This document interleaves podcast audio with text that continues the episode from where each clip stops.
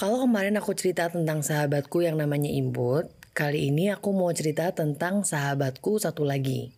Namanya Manda. Teman sekelas IPS zaman SMA dulu. But we weren't BFF at the time.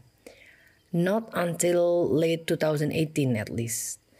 Entah gimana ceritanya, aku pun lupa. Yang jelas setiap kali aku ke Surabaya, kita tuh selalu nyempetin waktu untuk ketemuan dan ngobrol panjang lebar tentang banyak hal. Setahun terakhir ini kita ngobrol tuh via WhatsApp dan ada kali setiap hari saling nyapa. Kalah lah orang pacaran mah. Udah gitu masih lanjut saling DM pula di Instagram.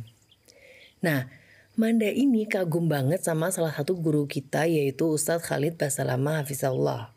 Karena menurut Manda penyampaian beliau ini sangat mudah dicerna dan qadarullah emang titik balik hidup dia waktu itu juga melalui salah satu kajian Ustadz Khalid. Jadi hampir setiap hari dia pasti dengerin kajian beliau.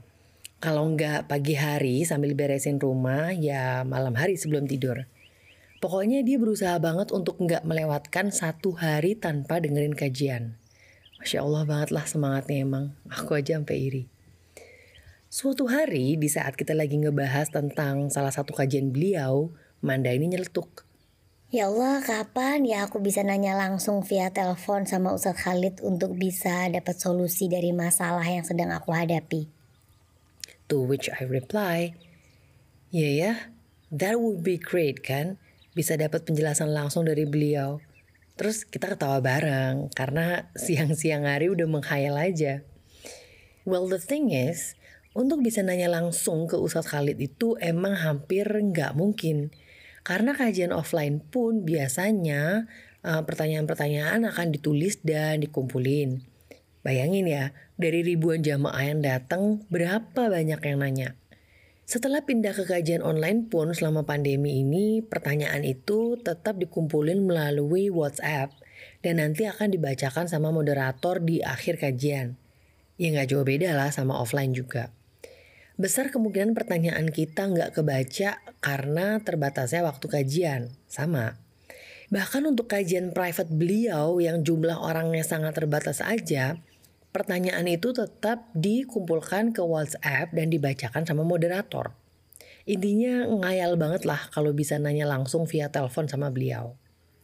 Fast forward beberapa minggu setelah khayalan kita, Ustadz Khalid ngadain kajian rutin Ba'da Asar setiap Kamis, khusus untuk Q&A masalah rumah tangga. Judulnya adalah Tanya Jawab Panduan Keluarga Sakinah. Which anyway, I really really recommend you guys to see it. Kita berdua excited banget kan? Manda juga udah submit pertanyaan dia via Google Form. Karena emang formatnya cuma dua, Google Form dan WhatsApp. Kodarullah di minggu pertama kajian itu kita berdua gak bisa nyimak sampai akhir. Jadi gak ada yang tahu itu pertanyaan sempat dibacain apa enggak. Kita berdua cuma bisa berharap semoga belum sempat dibacain dan bisa dijawab minggu depannya.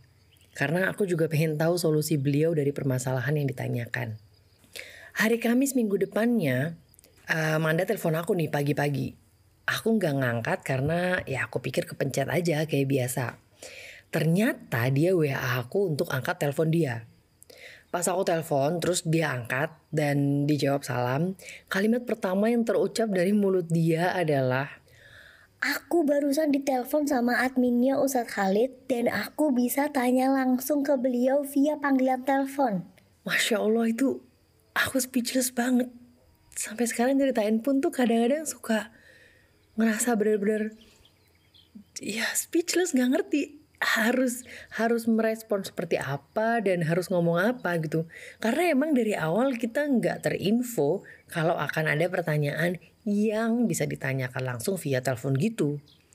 Jadi hari itu akan ada tiga source pertanyaan yaitu dari WhatsApp dari Google Form dan dari sambungan telepon langsung. Nah Manda ini kepilih sebagai salah satu orang yang bisa nanya langsung. I mean of all people gitu. Padahal dia submitnya kan pakai Google Form. Well mungkin ada yang mikir gini, apa sih sampai seheboh itu banget, cuman bisa nanya langsung doang gitu. Well, wajar sih kalau ada yang mikir kayak gitu. Tapi ini bukan tentang bisa nanya langsung ke guru favorit kita. It's bigger than that. Pertama, ini tentang akhirnya pertanyaan yang selama ini kita berusaha cari jawabannya ke sana kemari akan bisa terjawab, insya Allah. Dan kedua, yang paling penting, yang jadi highlightnya, yang bikin speechless, yang jadi inti dari monolog ini adalah Allah mendengar setiap ucapan kita dan Allah kabulkan dengan cara yang bahkan enggak masuk di akal manusia. Ucapan yang saat itu terlihat seperti khayalan kosong, ternyata jadi sesuatu yang serius di mata Allah. Setelah nutup telepon dari Manda, aku jadi mikir, Berapa banyak ucapan yang menurutku khayalan doang, cuma bercanda, cuma buat lucu-lucuan, yang ternyata dikabulkan Allah.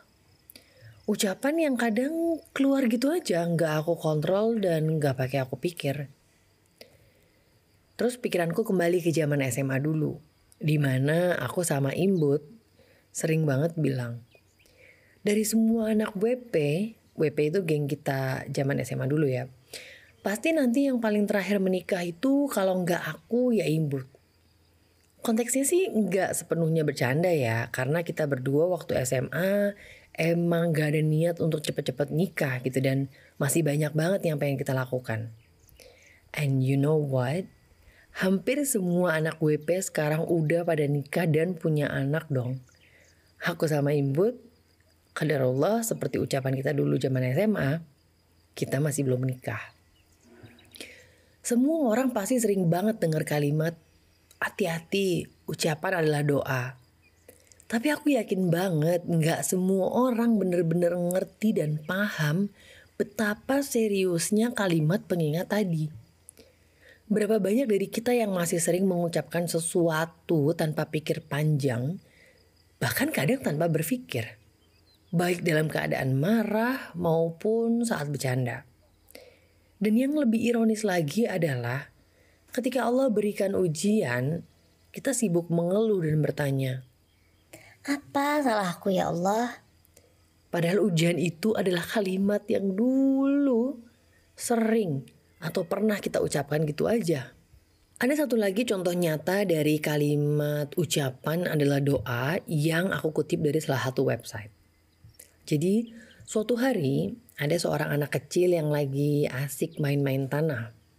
Di saat yang sama, ibunya sedang sibuk menyiapkan makanan untuk disajikan ke tamu-tamu yang nanti bakal datang ke rumah. Pas semua makanan udah siap, tiba-tiba si anak kecil ini masuk rumah sambil bawa segenggam tanah dan puff. Ditaburinlah itu tanah atau debu ke makanan yang udah siap makan tadi. Padahal tamunya aja belum datang. Ibunya kaget dan langsung marah. Dalam kemarahannya si ibu mengucap gini. Dasar kamu anak nakal. Awas ya kamu kalau udah besar kamu bakal jadi imam masjidil haram. Dan tahu siapakah anak kecil yang nabur debu di makanan tadi? Beliau adalah Syekh As-Sudais, imam masjidil haram. Well, what I'm trying to say is, mulai sekarang kita harus benar-benar jaga setiap ucapan yang keluar dari mulut kita. Sebelum ngomong harus dipaksa dulu mampir ke otak. Kalimat ini baik atau enggak? Kalau Allah kabulkan, apa yang akan aku ucapkan? Apa aku bakal bahagia, bersyukur, atau aku bakal sedih? Apa pun konteksnya, ngomong santai biasa kah, pas lagi marah kah, atau bahkan pas lagi bercanda.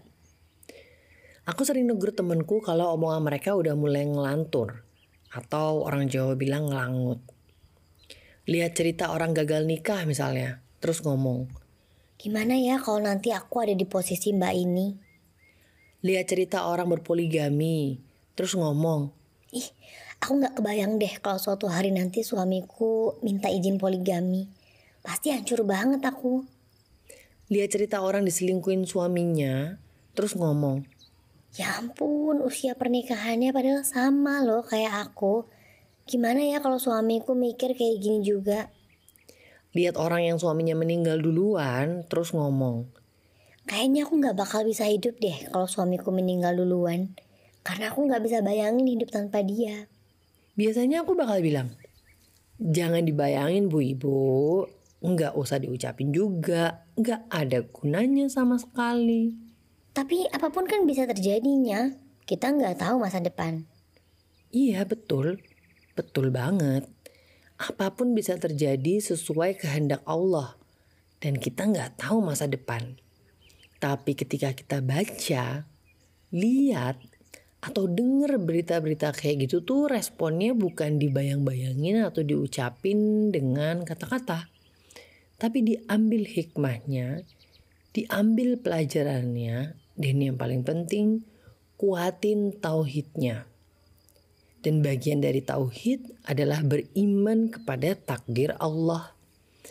Kalau Allah subhanahu wa ta'ala nggak takdirkan sesuatu untuk terjadi, ya nggak akan terjadi kalau Allah takdirkan sesuatu terjadi, ya ingat awal surat Al-Baqarah ayat 286. Allah tidak membebani seseorang melainkan sesuai dengan kesanggupannya. Jadi ketika sesuatu yang gak kita sukai, uh, yang bikin kita sedih itu terjadi, berarti menurut Allah ya kita mampu menghadapinya. Halas, gak perlu dipikir berlarut-larut. And to wrap this up, I want everybody to know this. Aku menyesali apa yang aku ucapkan zaman SMA dulu. Ucapan yang keluar tanpa pemikiran dan ilmu. Tapi aku sama sekali nggak menyesali apa yang terjadi saat ini berkaitan dengan ucapanku dulu. Karena ini adalah bagian dari takdir Allah. Alhamdulillah ala kulli hal Segala puji bagi Allah dalam setiap keadaan dan al khair khairatullah yaitu pilihan Allah adalah yang terbaik. Karena bagian dari ikhtiar menjadi hambanya yang lebih baik adalah menyesali perbuatan buruk kita, bertaubat, dan bersyukur dengan segala yang Allah takdirkan hari ini.